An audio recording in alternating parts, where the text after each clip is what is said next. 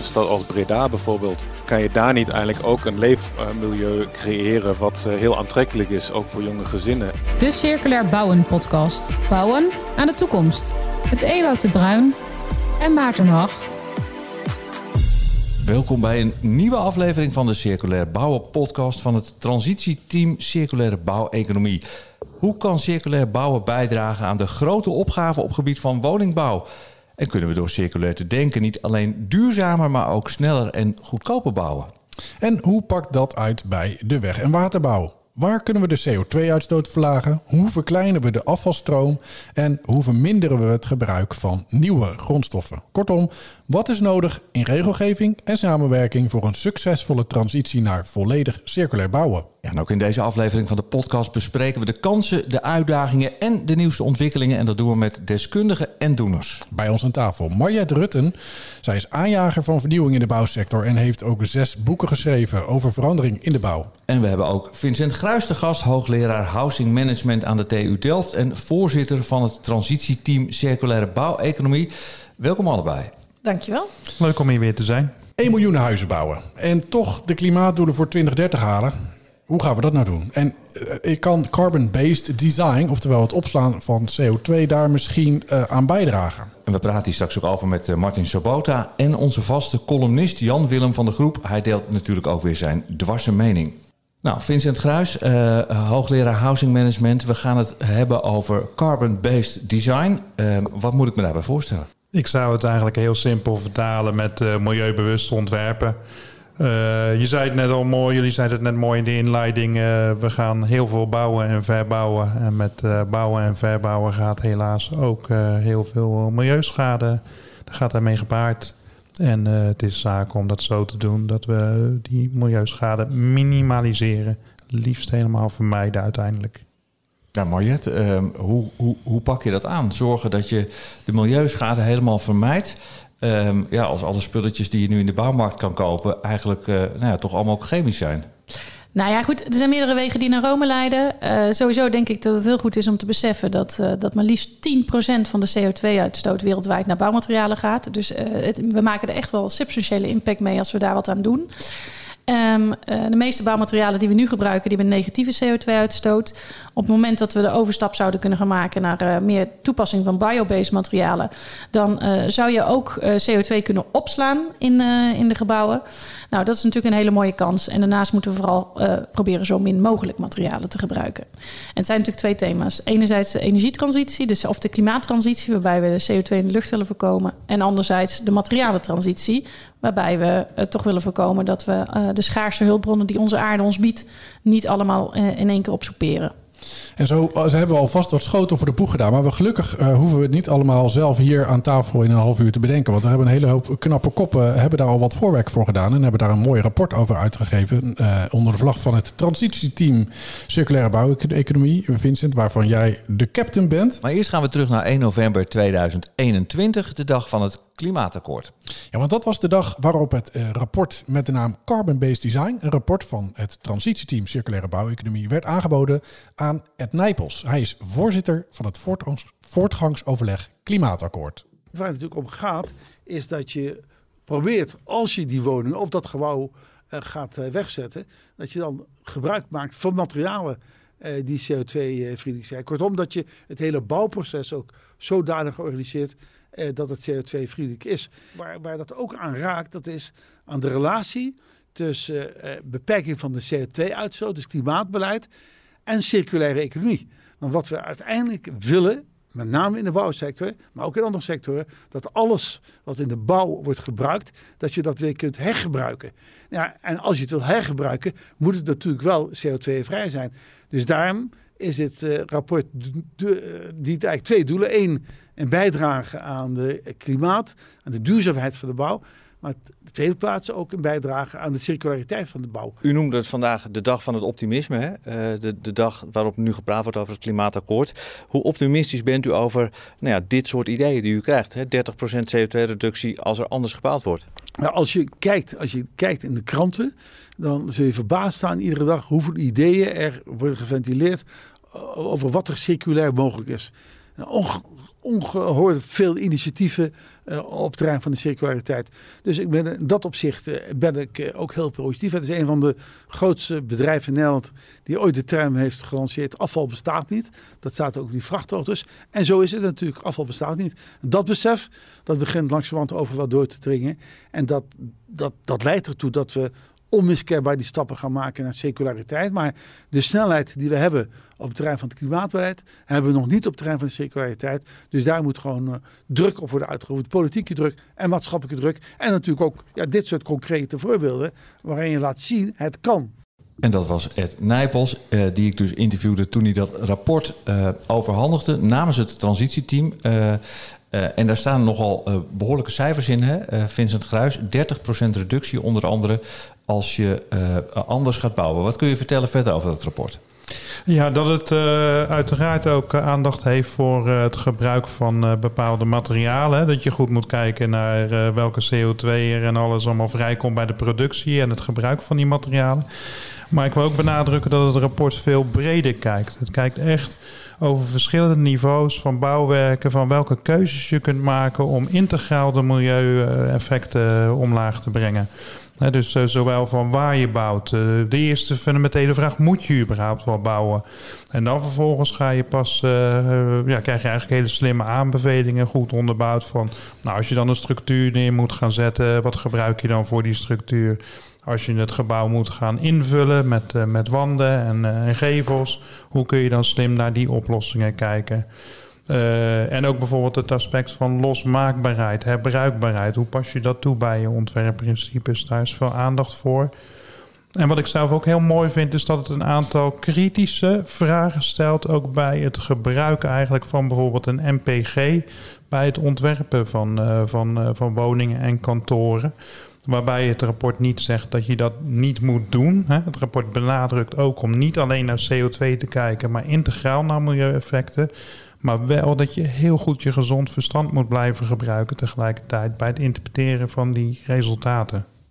Maar als het, als het gaat, het, het rapport heet toch niet voor niets carbon-based design. Dus CO2 heeft wel een hoofdrol in dat rapport. En wat mij dan toch wel aanspreekt, is die gedachte dat je zegt: van ja, huizen worden nu natuurlijk al zo ontworpen en gebouwd. Hè, bang bouwen, bijna energie-neutraal. Uh, dat is toch wel een stevig punt wat daar wordt gemaakt. Uh, daar is veel winst te behalen.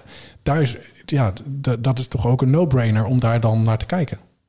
Zeker. En toch gebeurt het blijkbaar nog onvoldoende. En dat is misschien wel omdat we de laatste 20, 30 jaar vooral hebben gekeken naar de CO2-uitstoot, energiebesparing tijdens de gebruiksfase.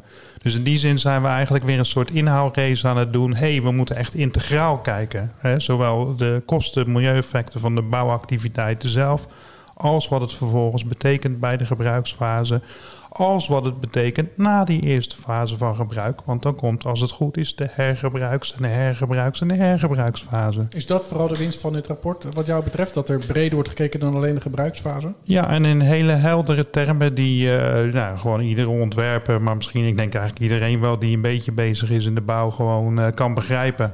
Dus ik denk dat het ook heel sterk uh, bijdraagt aan uh, gewoon bewustwording van professionals uh, nu met name. Ja, nou wat, ik er, ja, sorry, wat, ja, wat ik er zelf ook wel heel mooi aan vind, is dat het de gebruiksfase wat breder bekijkt dan dat we dat traditioneel gewend zijn.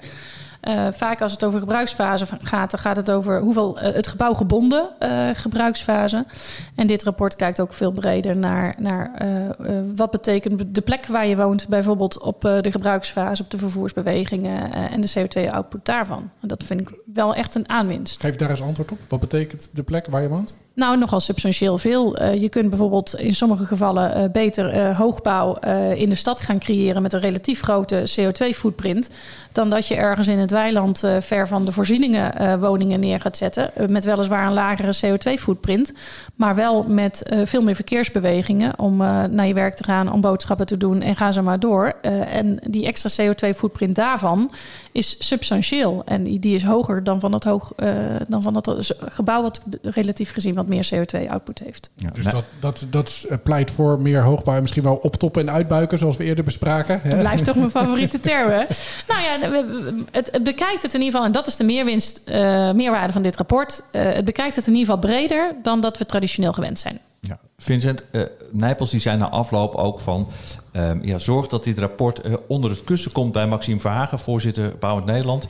Leg tien van die exemplaren bij hem op zijn bureau, dan kan hij er niet omheen. Is dat nou ook een van de manieren om, om dit goed over het voetlicht te brengen? Overal maar lobbyen, dat rapport verspreiden en zorgen dat mensen er gewoon niet meer omheen kunnen? Uh, dat moet absoluut gebeuren. Net zoals met heel veel andere zinnige rapporten en aanbevelingen die, die verspreid worden. Uh, ik denk dat dit rapport natuurlijk ook voor architecten veel inspiratie biedt. Maar uh, inderdaad, bouwers moeten er kennis van nemen, maar ook uh, opdrachtgevers in bredere zin. Dus ontwikkelaars, beleggers, woningcorporaties, gemeenten moeten dit zien in het kader ook van hoe ze naar bouwplannen kijken. Dus, uh, nou ja. Absoluut. Hè. Ik bedoel, als je kijkt dat Bouw in Nederland uh, vorig jaar wel onderzocht heeft hoe belangrijk die duurzaamheid in de uitvraag is en die aanbestedingen, dat er gewoon twee derde van de projecten uh, duurzaamheid nauwelijks een rol speelt. Ja, dan kun je wel zeggen, de bouwers moeten dit weten, maar daar schieten we dan nog niet zo gek veel mee op. Hè. Het zijn de opdrachtgevers die, die er toch ook meer om moeten gaan vragen. En als ze dat niet doen, ja, dan moet het in wet en regelgeving ankeren. Via een videobelverbinding luistert Martin Sobota mee. Martin, jij bent directeur van City Firster, een samenwerkingsverband van architecten en stedenbouwkundigen. En uh, het uh, rapport Carbon Based Design is ook van jullie, van jouw hand. Goedemiddag, mooi om hier te zijn.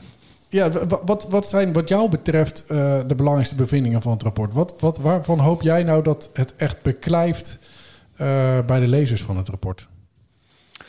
Ja, dat is een, eh, een goede vraag die uh, niet makkelijk te beantwoorden is. Wat, wat wij uh, geprobeerd hebben in dit rapport is inderdaad met een architectenoog op al die um, factoren te kijken. Er wordt natuurlijk heel veel geroepen van we moeten alles in hout bouwen en het moet zo berekend worden en deze database en dit is de rekenmethode en zo verder. En wij begrepen daar eigenlijk op een gegeven moment niet meer zo heel veel van. slingerde allemaal om ons oren. En uh, zijn eigenlijk uh, gaan kijken van ja, wat, hoe hangen die dingen eigenlijk allemaal met elkaar samen? Wat heeft nou echt invloed? Uh, welke keuzes kunnen wij als architect maken, ook in een vroeg stadium van een, um, van een ontwerp? Want wat is dat, is dat waar jij tegenaan liep? Dat je zegt van ja, dat hele gesprek over beter ontwerpen, dat kwam uiteindelijk bij ons op het bordje terecht en daarin zagen we door de boom het bos niet meer? Nou ja, interessant is, zeg maar, we zijn uh, zelf een soort naar CO2 gaan kijken. Um, en wat je dan snel merkt is dat in Nederland, dus de NPG, dat, dat, dat is de, manier hoe je dit soort dingen hoort te berekenen. Dat is ook al een paar jaar verplicht bij een bouwvergunning. Maar er waren eigenlijk heel weinig architecten die überhaupt wisten wat een NPG is. Dus dat zegt al heel veel. Hè? Dus dat het eigenlijk nauwelijks een rol speelde in de ontwerppraktijk. Er begint wel steeds meer te worden. Maar het is wel een beetje een achteraf uh, geweest, uh, wat ergens een ingenieur uh, achteraf ging berekenen en wat ja, niet veel keuzes bepaalde in, de, in het ontwerp. Um, dus, en dat is natuurlijk ook, ligt er misschien een beetje aan hoe die methode is opgebouwd. Um, maar vooral eigenlijk wilden wij weten van, ja, wat, hoe, hoe verhoudt zich dat eigenlijk, die materiaalgebonden emissies? Mariette noemde al 10% van het globale materiaalverbruik.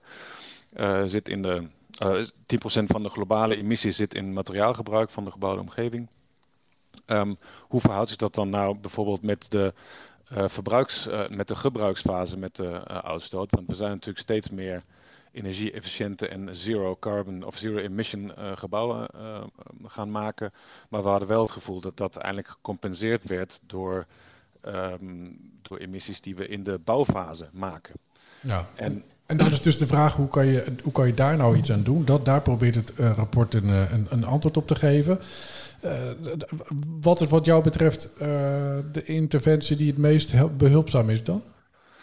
Nou, wij hebben dat rapport opgebouwd eigenlijk langs de verschillende lagen van het gebouw. Van Stuart Brand, die heeft zo'n model opgezet. En um, nou ja, ten eerste komt daar de, de site, dus dat zijn de S-lagen, daar komt de site naar voren. Dat is eigenlijk überhaupt de kabel waar je bouwt. En uh, daar begint het eigenlijk al. Dus um, er wordt nu heel veel soort uh, houtbouw en um, prefab en zo verder gebouwd, maar dan ergens in een polder. En dan heb je natuurlijk hele hoge infrastructuurkosten die je daarmee moet maken. En werd ook al genoemd, hè, mobiliteitsvraag die toeneemt en zo verder.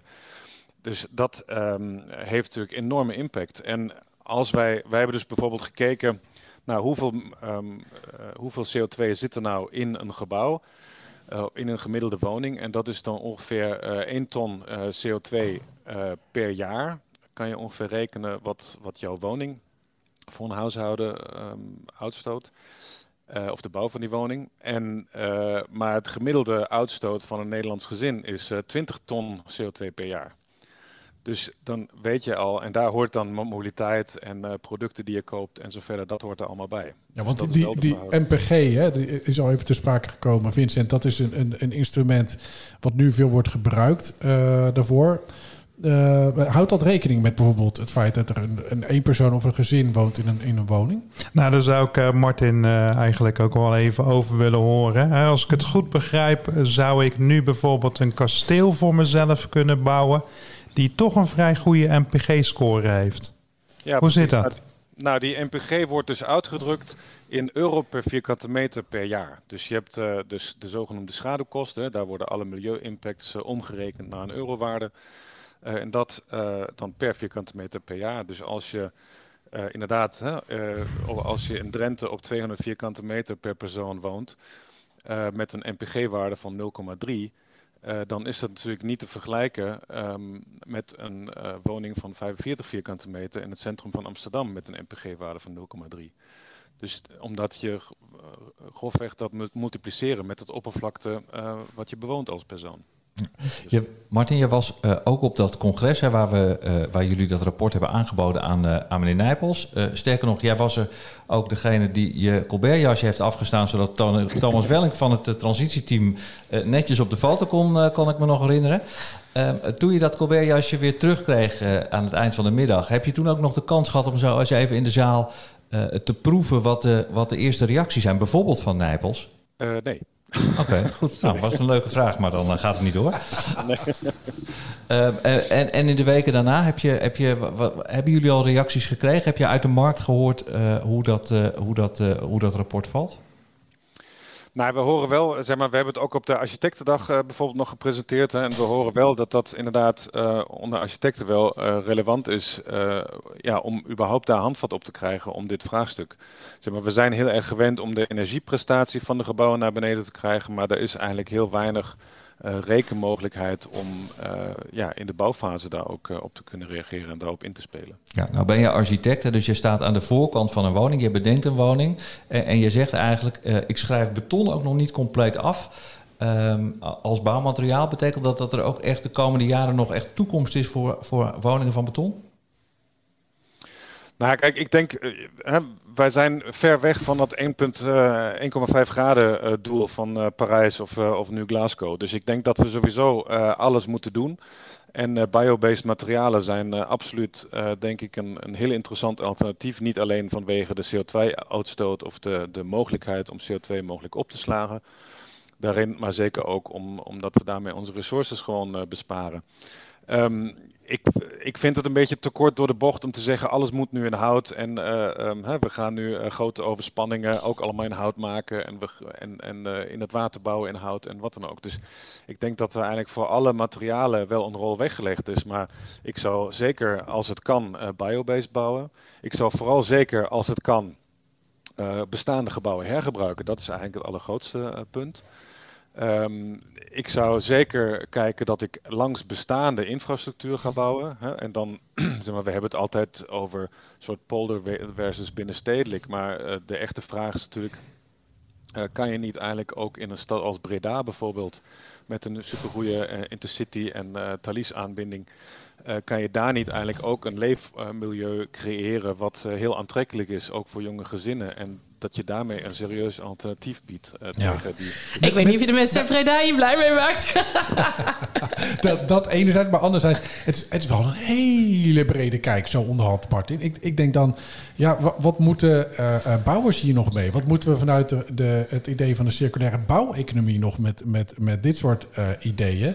Uh, die bouwers die hebben toch vooral te maken. En dan breng ik het toch maar even terug bij de beton. Met hoe, hoe kun je nou uh, in het kader bijvoorbeeld van het, uh, van het CO2, van het, van het klimaat, CO2-uitstoot. Hoe, hoe kun je nou met beton bouwen en toch dat terugdringen?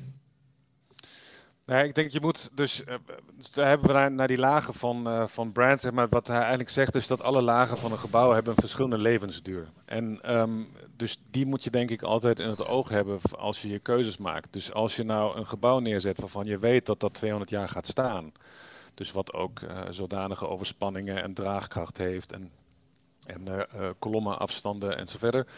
Ja, dan is denk ik ook voor beton nog wat weggelegd. Alleen Ehm, ja, moet je dat dus wel helder gaan redeneren en dat gebouw niet over 30 jaar weer gaan slopen.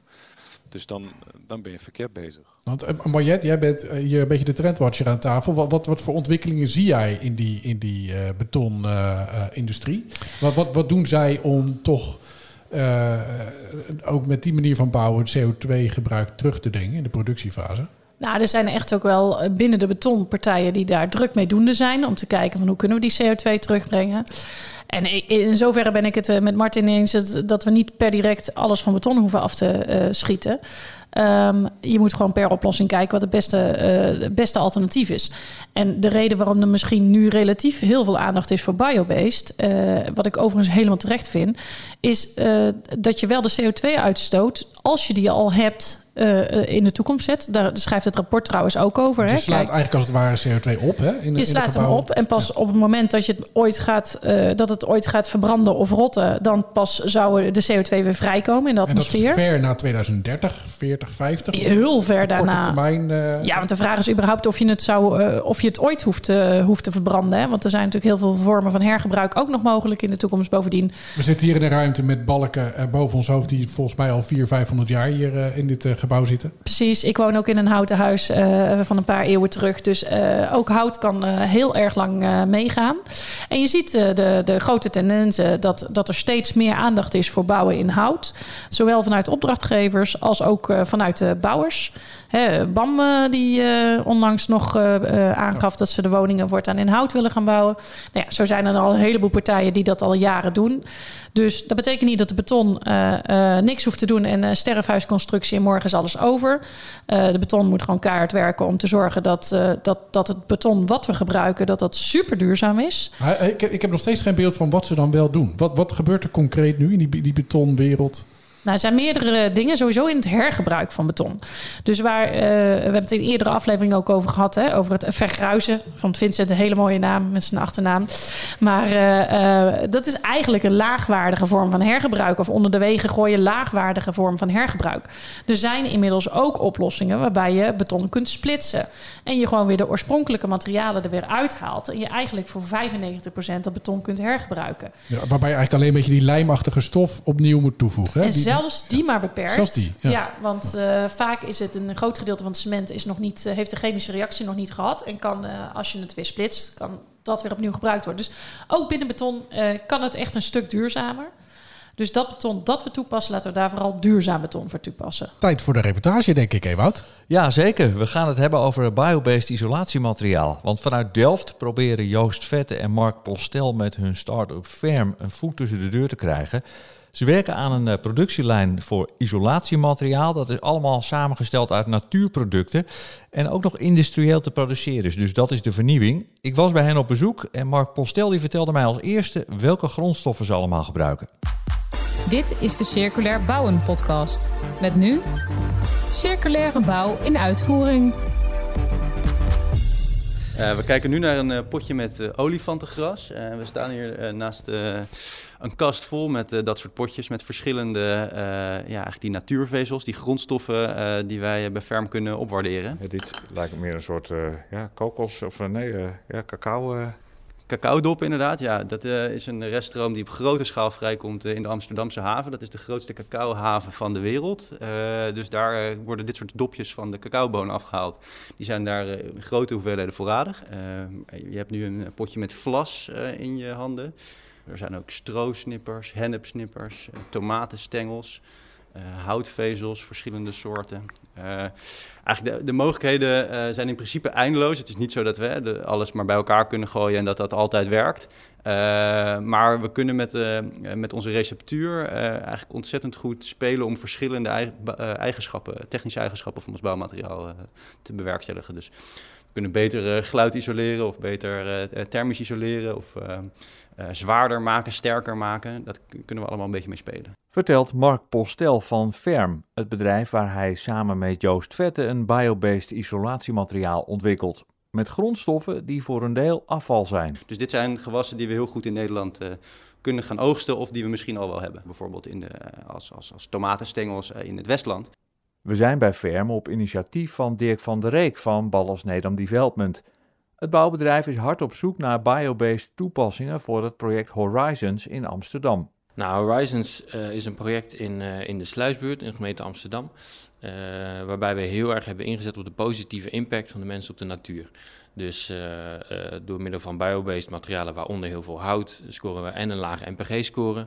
Het toepassen van zonnecellen op de daken en op de gevels kunnen we ook een hele goede energiescore behalen. Is het gebouw energiepositief. Maar ook de combinatie met de daklandschappen die we groen kunnen inrichten voor klimaatadaptatie en herstel van de biodiversiteit, waar we dan op inspelen.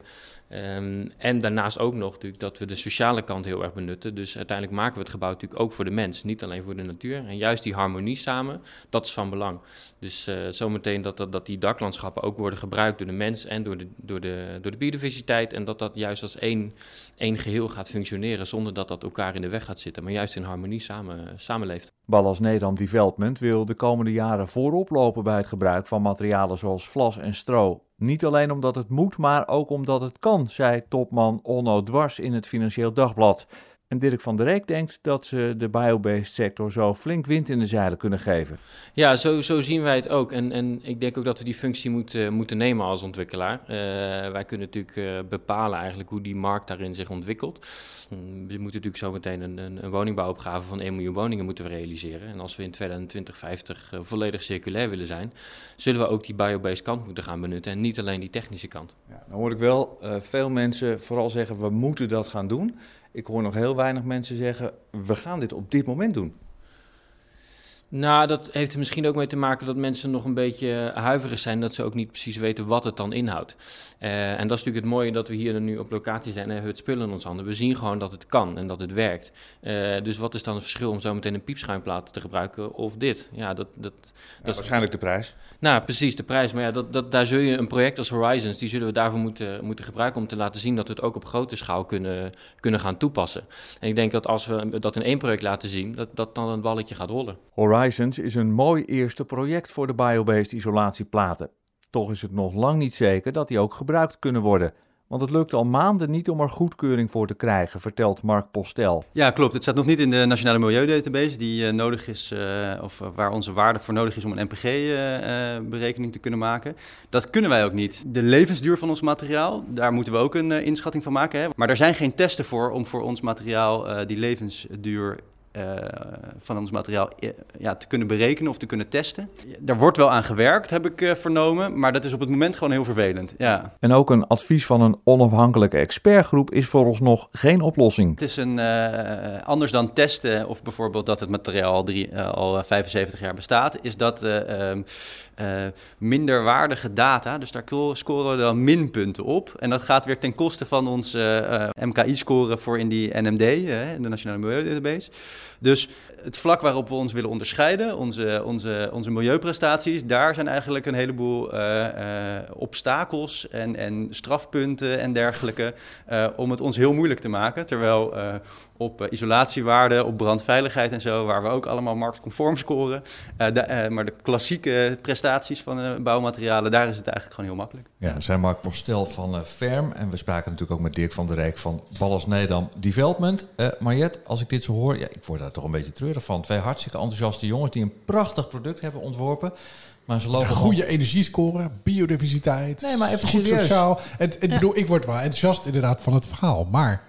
Maar ze lopen gewoon vast omdat zij niet kunnen aantonen dat ze over 75 jaar nog steeds bestaan en dat het materiaal nog goed is. En, en, en beton kan dat natuurlijk wel. Uh, ja, en, en dus is er kennelijk ook niet... Nou, de vraag is of een beton dat kan aantonen. Maar dat is, uh, dat is een heel ander verhaal. Dat, uh, de beton bestaat in ieder geval nog wel over 75 jaar. Um, nou ja, kijk, weet je, uh, dit, dit, is absoluut heel schrijnend. Uh, het is ook een bekend voorbeeld. Uh, althans, niet alleen dit voorbeeld, maar dit, een, het is een bekend probleem. We zullen daar iets, iets mee moeten. Ehm, wat daarbij komt kijken is, los van het feit dat ze vaak nog niet in die systemen staan, maar ook dat certificering vaak relatief duur is. Eh, als je dat moet gaan doen als startende ondernemer, om überhaupt een keer toegepast te worden, ja, dat betekent dus ook nog dat je investeringen fix toenemen. En nou, eh, er zitten ook nog allerlei lastige dingen bij, als dat je dat voor ieder materiaal weer opnieuw moet doen. Dus je kunt dat niet één keer doen voor allerlei soorten materialen. Ehm, dus, dus daar zullen we echt wel naar het systeem moeten kijken. En ik kan me heel goed voorstellen dat je als overheid gewoon zegt van ja, weet je, eh, wij financieren die certificering en jij betaalt die in de loop van de tijd, betaal je die terug uit uh, de verkopen. Um, of andere creatieve oplossing. Maar we zullen, uh, we zullen die ondernemers daarmee moeten helpen. Want het kan niet zo zijn dat dit het tegen gaat houden. Die aanbeveling wordt, dacht ik, ook gedaan in het rapport, uh, Vincent. Ja, zeker. En dat is ook iets wat het transitieteam ook echt overneemt. Kijk, wij zullen in die doelbepaling hè, van hoe willen we naar die circulaire bouweconomie toewerken, echt wel die MKI en die MPG centraal stellen. Maar dat betekent dat we parallel ook een structuur gaan verzinnen. We gaan er ook over in gesprek met NMD uh, over hoe je bijvoorbeeld die database echt up-to-date houdt. En hoe je daarin ook omgaat met innovatieve materialen zoals dit. Uh, en natuurlijk ook hoe je de rekenregels uh, in de, in de, die gebruikt worden voor zo'n MKI, MPG-score, hoe je die eigenlijk continu aanscherpt uh, om ook nieuwe circulariteitsprincipes, bijvoorbeeld of biobased materialen, whatever, om dat te zorgen dat dat wel objectief in die methode terechtkomt. Nou, een prachtig voordeel. Maar wat heb je tegen deze innovatieve jongens in Delft dan te zeggen? Is er hoop? Heel flauw, denk ik, dat je nu nog goed zit. Omdat we nu nog uh, hè, voor, de, voor woningen bijvoorbeeld, nou ja, staat die NPG-eis op, op 0,8. Dus ja, die is eigenlijk nog relatief makkelijk te maken. Dus dan kom je misschien nog wel weg met die paar minpunten. Dus voor dat Horizon-project... Ja, maar, nee, maar dat is op lange termijn natuurlijk geen bevredigend nee. antwoord. Nee. Het gaat en bovendien erom... verkoopt hij zijn producten niet, omdat zijn producten relatief Precies. gezien te duur zijn. Precies. Ja, ja dus ik denk, wat jij net zei, bijvoorbeeld uh, suggestie om bijvoorbeeld uh, in te gaan voeren. Hè? Dus dat je ook start-ups uh, kunt helpen om snel hun, uh, hun, uh, hun materialen snel gecertificeerd te krijgen. Ik denk dat dat een hele goede is. Ik denk dat het tussentijd ook gewoon heel veel goodwill nodig hebt van, nou bijvoorbeeld zoals dat dan hier bij Ballast gebeurt Waarbij ze zeggen van ja, wij zijn wel overtuigd door jullie verhalen. We hebben in ieder geval wel LCA-analyses gedaan die ons ervan overtuigen dat het milieutechnisch echt wel beter is. Ja, want dus dit we was, gaan het gewoon toepassen. Ja, want dit was wel echt heel leuk. Want Ballas had ons dus, eh, Ballas Nedam Development had ons meegenomen hier naar, eh, naar dit project. En, en uiteindelijk bleek het is ook nog lastig voor ze om op te starten, omdat ze nog geen fabriek hebben. En dan is het weer moeilijk om financiering te krijgen. Maar je hebt die financiering weer nodig om die fabriek te bouwen. Dus dat is ook nog weer zo'n nou ja, kluwe waar ze dan in verward zitten. En uiteindelijk toen ik wegging, waren die heren toch nog druk met elkaar in gesprek om te kijken hoe ballast dan nou ja, toch nog een beetje op kan schuiven en kan proberen om in ieder geval een soort intentieverklaring uh, te tekenen, zodat ze een stap verder komen. Maar en dan kunnen ze ook weer subsidie op die fabriek krijgen. Dat is op zich ook wat te doen. Maar het grote probleem zit hem volgens mij ook in de mate waarin traditionele materialen belast zijn. En we kunnen van alles en nog wat optuigen om de nieuwe materialen te, te stimuleren en te subsidiëren. Maar het probleem is ook dat die oude materialen niet realistisch belast zijn.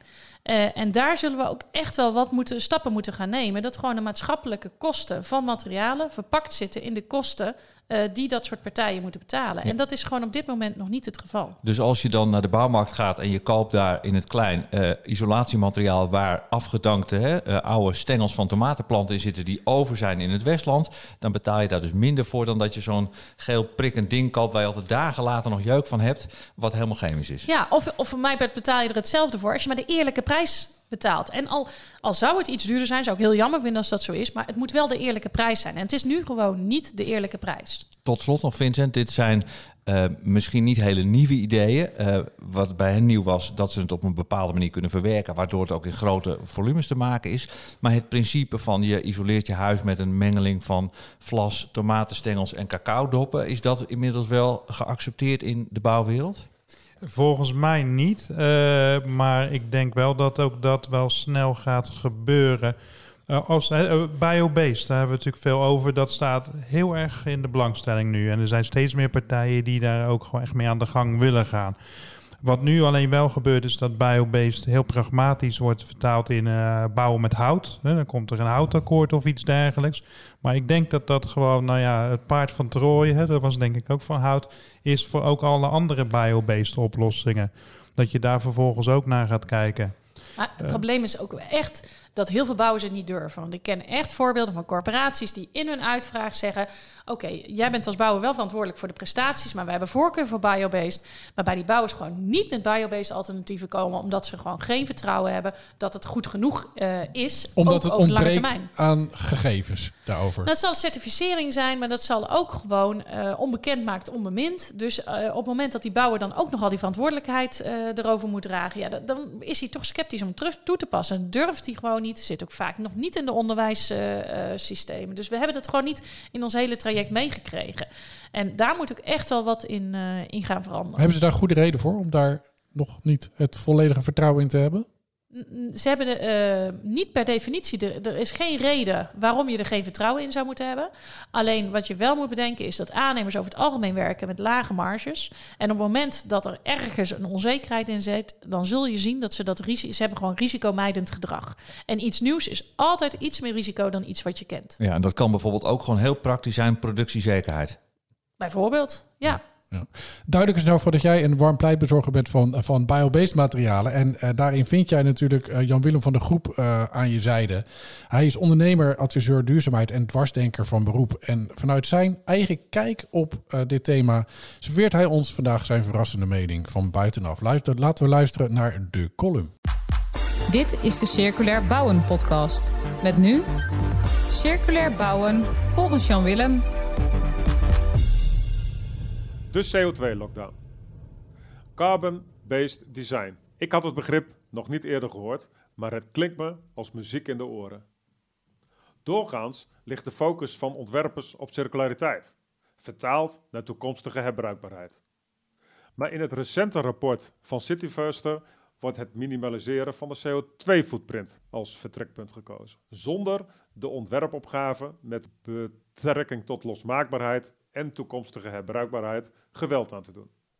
Wat me wel tegenviel is de aandacht voor het gebruik van biobased bouwmaterialen. Het rapport doet slechts één aanbeveling waarin nauwelijks de enorme potentie van CO2-opslag naar voren komt.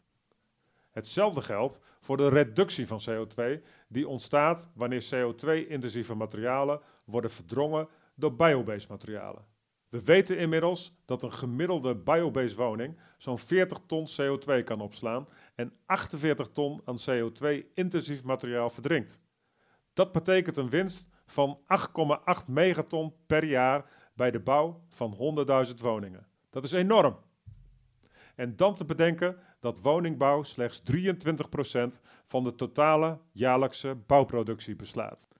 Als we een beetje ons best doen, kunnen we de totale emissie van de bouw volledig terugbrengen door gebruik van biobased bouwmaterialen. In combinatie met hergebruik van materialen uit sloop en gebruik van low-carbon materials. Dat kan in 2030 de standaard zijn, als nu de juiste condities worden gecreëerd. Waarom is dat zo belangrijk? Nederland en veel andere landen hebben in Glasgow afgesproken zich te conformeren aan het doel van anderhalf graad opwarming. Wat dat betekent, lijken niet heel veel mensen door te hebben. Het anderhalf graad scenario kan worden uitgedrukt in een hoeveelheid CO2-emissie die we nog mogen uitstoten tot 2050 om die anderhalve graad niet te overschrijden. Het zogenaamde anderhalve graad carbon budget. Dat budget is binnen zeven jaar op als we doorgaan met de huidige jaarlijkse emissie.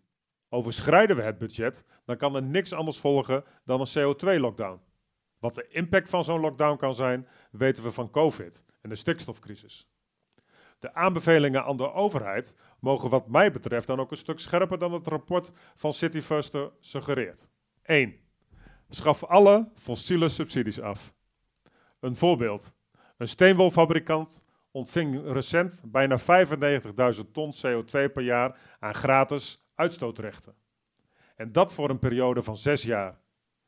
Dit levert hen een fors financieel voordeel op. 60 euro per uitgestoten ton CO2 die ze niet hoeven te betalen. Biobased materialen moeten daartegenop concurreren, terwijl juist zij feitelijk recht hebben op minus 60 euro per opgeslagen ton CO2. 2. Zorg dat zowel landbouwers als gebouweigenaren betaald krijgen voor het opslaan van koolstof in gebouwen. Dat kan met een gelijksoortige regeling als voor de opslag van CO2 onder de Noordzee. 3. Maak een transitieplan voor bouw en landbouw en stuur daarbij op het CO2-budget van 1,5 graad. En op het versterken van bodemkwaliteit en biodiversiteit. 4. Maak een eind aan de regulering door de markt zelf. Dat werkt pervers en innovatieremmend. De betonindustrie voorop, die als enige branche de materiaalsamenstelling van producten reguleert en nauwelijks innovatieve oplossingen toestaat. En 5. Verstrek leningen aan innovatieve bedrijven die enorme certificeringskosten moeten maken om de markt te betreden. Deze leningen moeten pas worden terugbetaald wanneer een succesvolle en winstgevende marktintroductie een feit is. Met zulke ambitieuze maatregelen voorkomen we een CO2-lockdown in 2030. Dus, doe het. Gisteren. Nou, dat was eh, Jan-Willem van de Groep, onze dwarse denker. Eh, veel dingen eigenlijk, Mariette, ook die we al besproken hebben. De certificering hebben we het uitgebreid over gehad. Uh, MPG-discussie hebben we hier aan tafel ook gevoerd. Hij noemt ook nog een aantal andere dingen. Wat valt jou daarin nou het meest op? Nou ja, wat hij natuurlijk ook nog noemt, waar we het nog niet eerder over hebben gehad, is die hele samenwerking met de landbouw. En daar zit echt wel een onwijs grote winst uh, te halen. Uh, want we hebben nu eigenlijk twee hele grote uitstoters in de wereld. En dat is aan de ene kant uh, de veeteelt en aan de andere kant de productie van bouwmaterialen. Op het moment dat we biobased gaan produceren, en we doen dat in plaats van daar waar nu veeteelt is, dan besparen we heel veel aan die kant. Uh, we slaan CO2 op. Dus we besparen ook nog heel veel aan uh, de biobased uh, kant, aan de, aan de bouwproductiekant. Ja, dat zijn dus eigenlijk drie vliegen in één klap die je daar slaat. En dus je zegt eigenlijk veeboeren, stap over van, van vee naar vlas. Ja, bijvoorbeeld. Of zonnekroon, of hennep, of lisdodden. Maakt niet uit. Er zijn zoveel biobased materialen. Als je dat dan ook nog in Nederland doet, heb je ook nog een heleboel transport die je bespaart. Dus ja, dat is eigenlijk gewoon een no-brainer voor de politiek. Want daar kunnen ze ook gewoon een goede boterham mee verdienen? Ja, sterker nog, daar kunnen ze meer mee verdienen dan dat ze nu verdienen. Dat wil niet zeggen dat het zo makkelijk is, hè, want ik woon toevallig in een straat met allemaal uh, koeienboeren. En ik heb het wel eens uh, geopperd van, joh, zou je morgen landbouw willen gaan bedrijven? Nou, dat, dat, daar zijn ze niet zo heel happig op, het is echt gewoon een andere, andere tak van sport. Dus ik vraag jullie morgen ook niet morgen tv te gaan maken, bijvoorbeeld. Dus, um, dat, maar wat je wel ziet is bijvoorbeeld bij generatiewissels of als er nieuwe investeringen gedaan moeten worden, dat, dat het wel echt een serieuze optie is. En eh, de, de opbrengsten per hectare liggen substantieel hoger. Ja, het kan ook heel aantrekkelijk zijn, want je hoeft hè, die lisdollen hoef je niet iedere ochtend om vijf uur te melken. Dus Precies, hè, je moet wel hard werken. Je moet natuurlijk wel gewoon hard werken, maar je krijgt ook misschien weer wat meer vrije tijd terug. Het levert je meer op en je doet ook nog iets voor het milieu. Uh, Vincent, dat is inderdaad lijkt dat een soort no-brainer.